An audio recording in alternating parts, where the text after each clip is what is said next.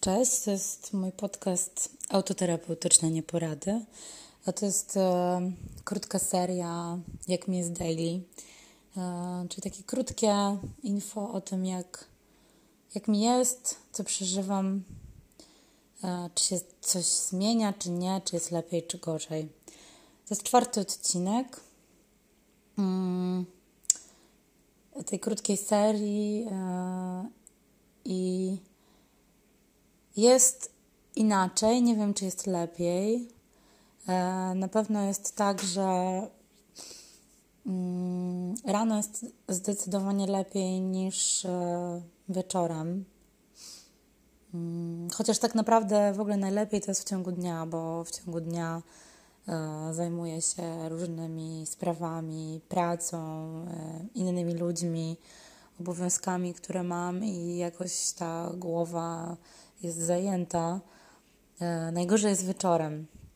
Wieczorem, tak gdzieś w okolicach 16-17, e, dopada mnie po pierwsze totalny zjazd energetyczny, e, a po drugie taka właśnie myśleniuwa, takie kurde umartwianie się, że, że jestem chujowa, że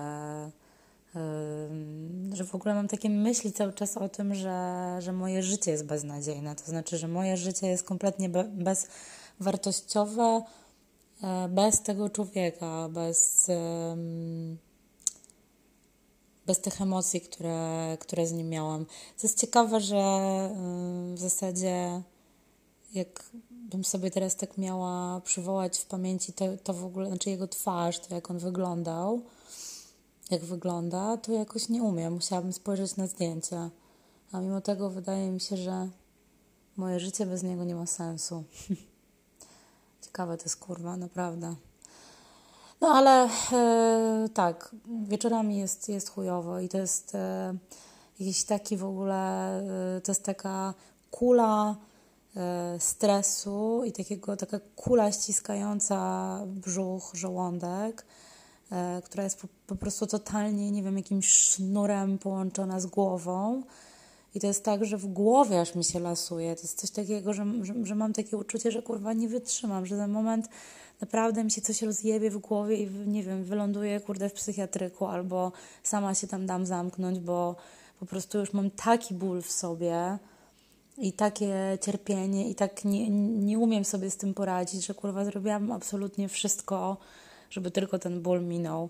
I tu taka smutna refleksja, że yy, właściwie to nie jest refleksja, po prostu wie, ja pierdolę, wiem, że teraz pewnie dużo ludzi yy, mnie potępi za to, co, co powiem, ale w sumie chuj z tym, no to są po prostu moje przemyślenia rozumiem ludzi, którzy popełniają samobójstwa i rozumiem ludzi, którzy na przykład się samookaleczają w takich sytuacjach.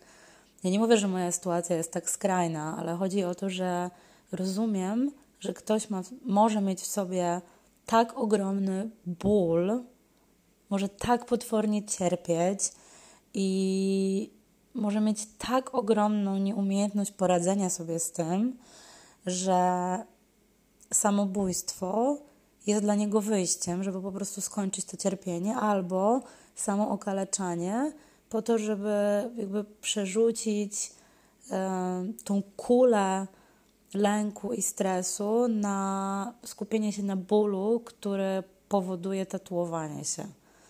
E, e, przepraszam, okaleczanie się.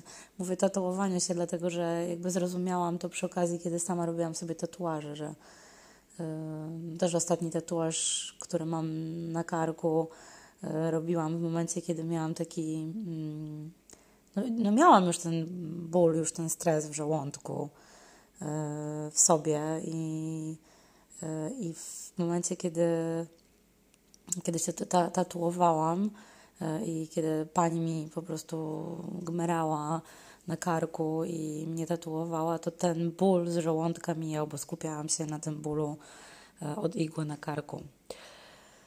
E, no dobra, to, to tyle. Sinusoidy są cały czas. E, I cały czas patrzę na telefon, cały czas czekam, że, że on się odezwie, ale chyba coraz bardziej godzę się z, z tą myślą, że to już jest e, totalny koniec i że tego człowieka nie będzie już w moim życiu.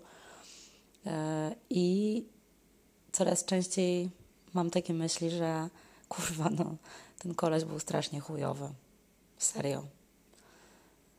E, no ale co nie zmienia faktu, że mam też takie myśli, że po prostu strasznie za nim tęsknię, więc to jest cały czas sinusoida. E, a minęło niecałe dwa tygodnie. Dobrego dnia.